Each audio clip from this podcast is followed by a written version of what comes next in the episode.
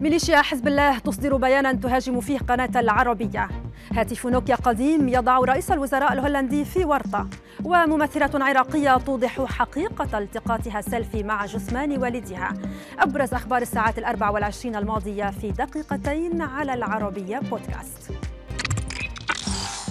بعدما نشرت العربية تقريرا يوثق تورط ميليشيا حزب الله اللبناني بتهريب المخدرات أصدرت ميليشيا الحزب بيانا اليوم هاجمت فيه القناة. العربية نشرت الأحد الماضي تقريرا يستند إلى معلومات من المرصد السوري لحقوق الإنسان. كشفت فيه أن مجموعات مسلحة مرتبطة بميليشيا حزب الله تنوي إنشاء معامل جديدة لصناعة حبوب الكبتاغون في محافظتي السويداء ودرعا السوريتين. مشيرة إلى أن أحد القتلى الذين قضوا بعملية نوعية للجيش الأردني ضد تهريب المخدرات. كان له علاقة وثيقة بميليشيا الحزب.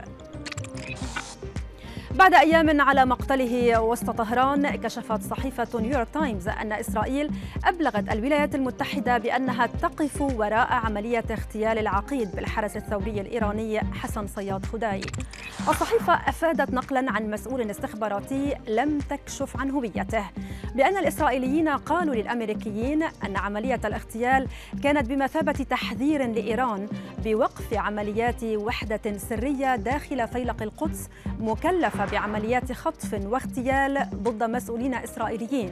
فيما أكد موقع واينت العبري أن تقرير نيويورك تايمز شكل مفاجأة لدى المؤسسة الأمنية الإسرائيلية وسط تخوف من رد إيراني يوجه نحو أهداف إسرائيلية.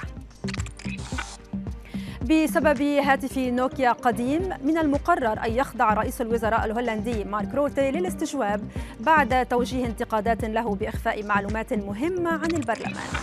صحيفة فولكس جرانت المحلية وضمن تحقيق لها حول إدارة روتي لأزمة كورونا في البلاد كشفت أنه كان يحذف الرسائل النصية باستمرار كي يتمكن من تلقي رسائل جديدة لأن ذاكرة الهاتف تتسع لعشرين رسالة فقط فيما ينص القانون على ضرورة احتفاظ روتي بالمراسلات الحكومية وهو ما دفع المعارضة لاتهامه بإخفاء معلومات لكن روتي نفى الاتهامات ضده قائلا إنه لم يحذف أي رسائل مهمة عمداً. ضجة واسعة على ال social media وتحديدا في العراق بعد اتهام الفنانة كادي القيسي بنشر صورة سيلفي على حسابها في إنستغرام تظهر فيه مع جثة والدها قبل دفنه. القيسي نفت في منشور لاحق الاتهامات التي وجهها لها ناشطون على مواقع التواصل وأكدت أنها التقطت الصورة مع والدها وهو مريض قبل أن يفارق الحياة. معلقة بالقول شنها العالم شنها التفكير بدل ما تترحموا تكتبون كلام يوجع القلب.